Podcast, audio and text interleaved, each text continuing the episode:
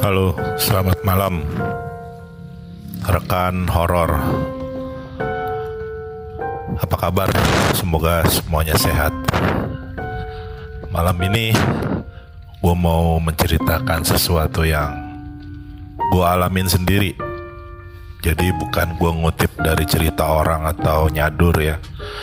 Ini pengalaman gue pribadi Untuk berhadapan dengan hal-hal yang mistis atau yang agak-agak spooky lah. Kejadiannya waktu gua masih kuliah ya tuh tahun berapa tuh 90-an. Waktu itu ceritanya gua sama temen-temen gua tuh berlapan ya kita mau jalan-jalan dan kita menuju kota Jogja. Kebetulan temen gua waktu itu punya kenalan dan meminjamkan uh, wisma. Ya wismanya cukup besar banyak kamarnya tapi tidak disewakan untuk umum. Sehingga waktu itu kita benar-benar private ya sendiri tapi ya serem karena tempatnya besar gitu. Kejadian waktu itu satu malam itu kita lagi makan malam ya. Terus pas pulang dari makan malam itu kita makan di angkringan itu udah kejadian tuh hal-hal yang serem.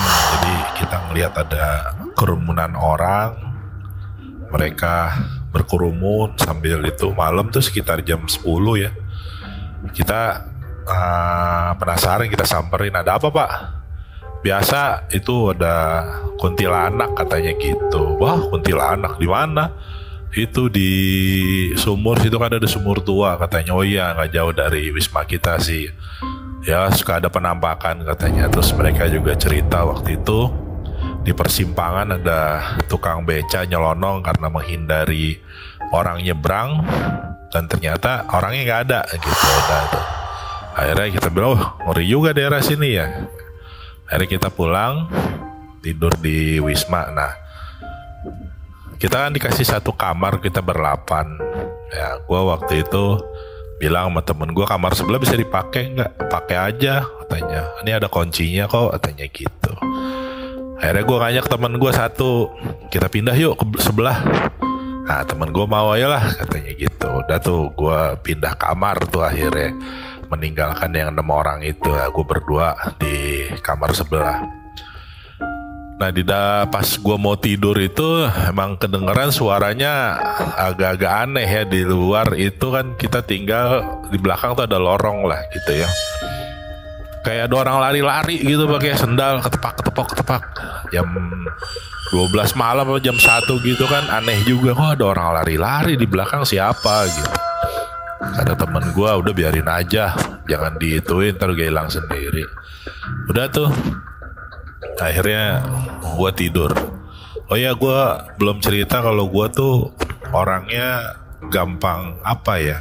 Kalau kata orang gampang disamperin erup-erup. Mungkin ada yang ngerti kali erup-erup ya.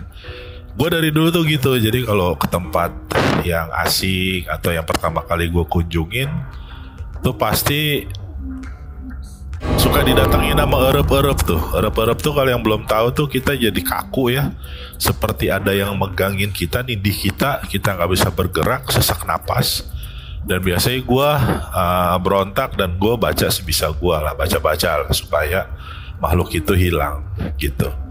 Nah kejadian itu keja uh, terjadi lagi tuh yang di Jogja ini. Nah, gue pas tidur sama temen gue itu tiba-tiba malam itu gue seperti ada yang ngebisikin gitu. Pertama kali sih erup-erupnya gitu. Gue sesak napas nggak bisa gerak terus doa terus gue seperti mimpi gitu tapi ada yang nyolek gitu. Kamu pindah. Ngomongnya begitu.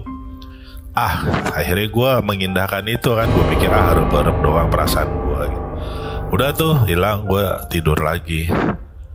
Datang lagi orang itu tanpa wujud ya. Maksudnya gue nggak bisa ngegambarin mukanya seperti apa tapi berbentuknya manusia gitu. Terus dia ngomong lagi kamu pindah. Nah, gue masih mengindah tidak mengindahkan lagi tuh ah ini apaan sih? gitu. Udah gue tidur lagi. Nah, yang ketiga ini sepertinya dia udah marah kali ya, nggak main-main lagi gitu.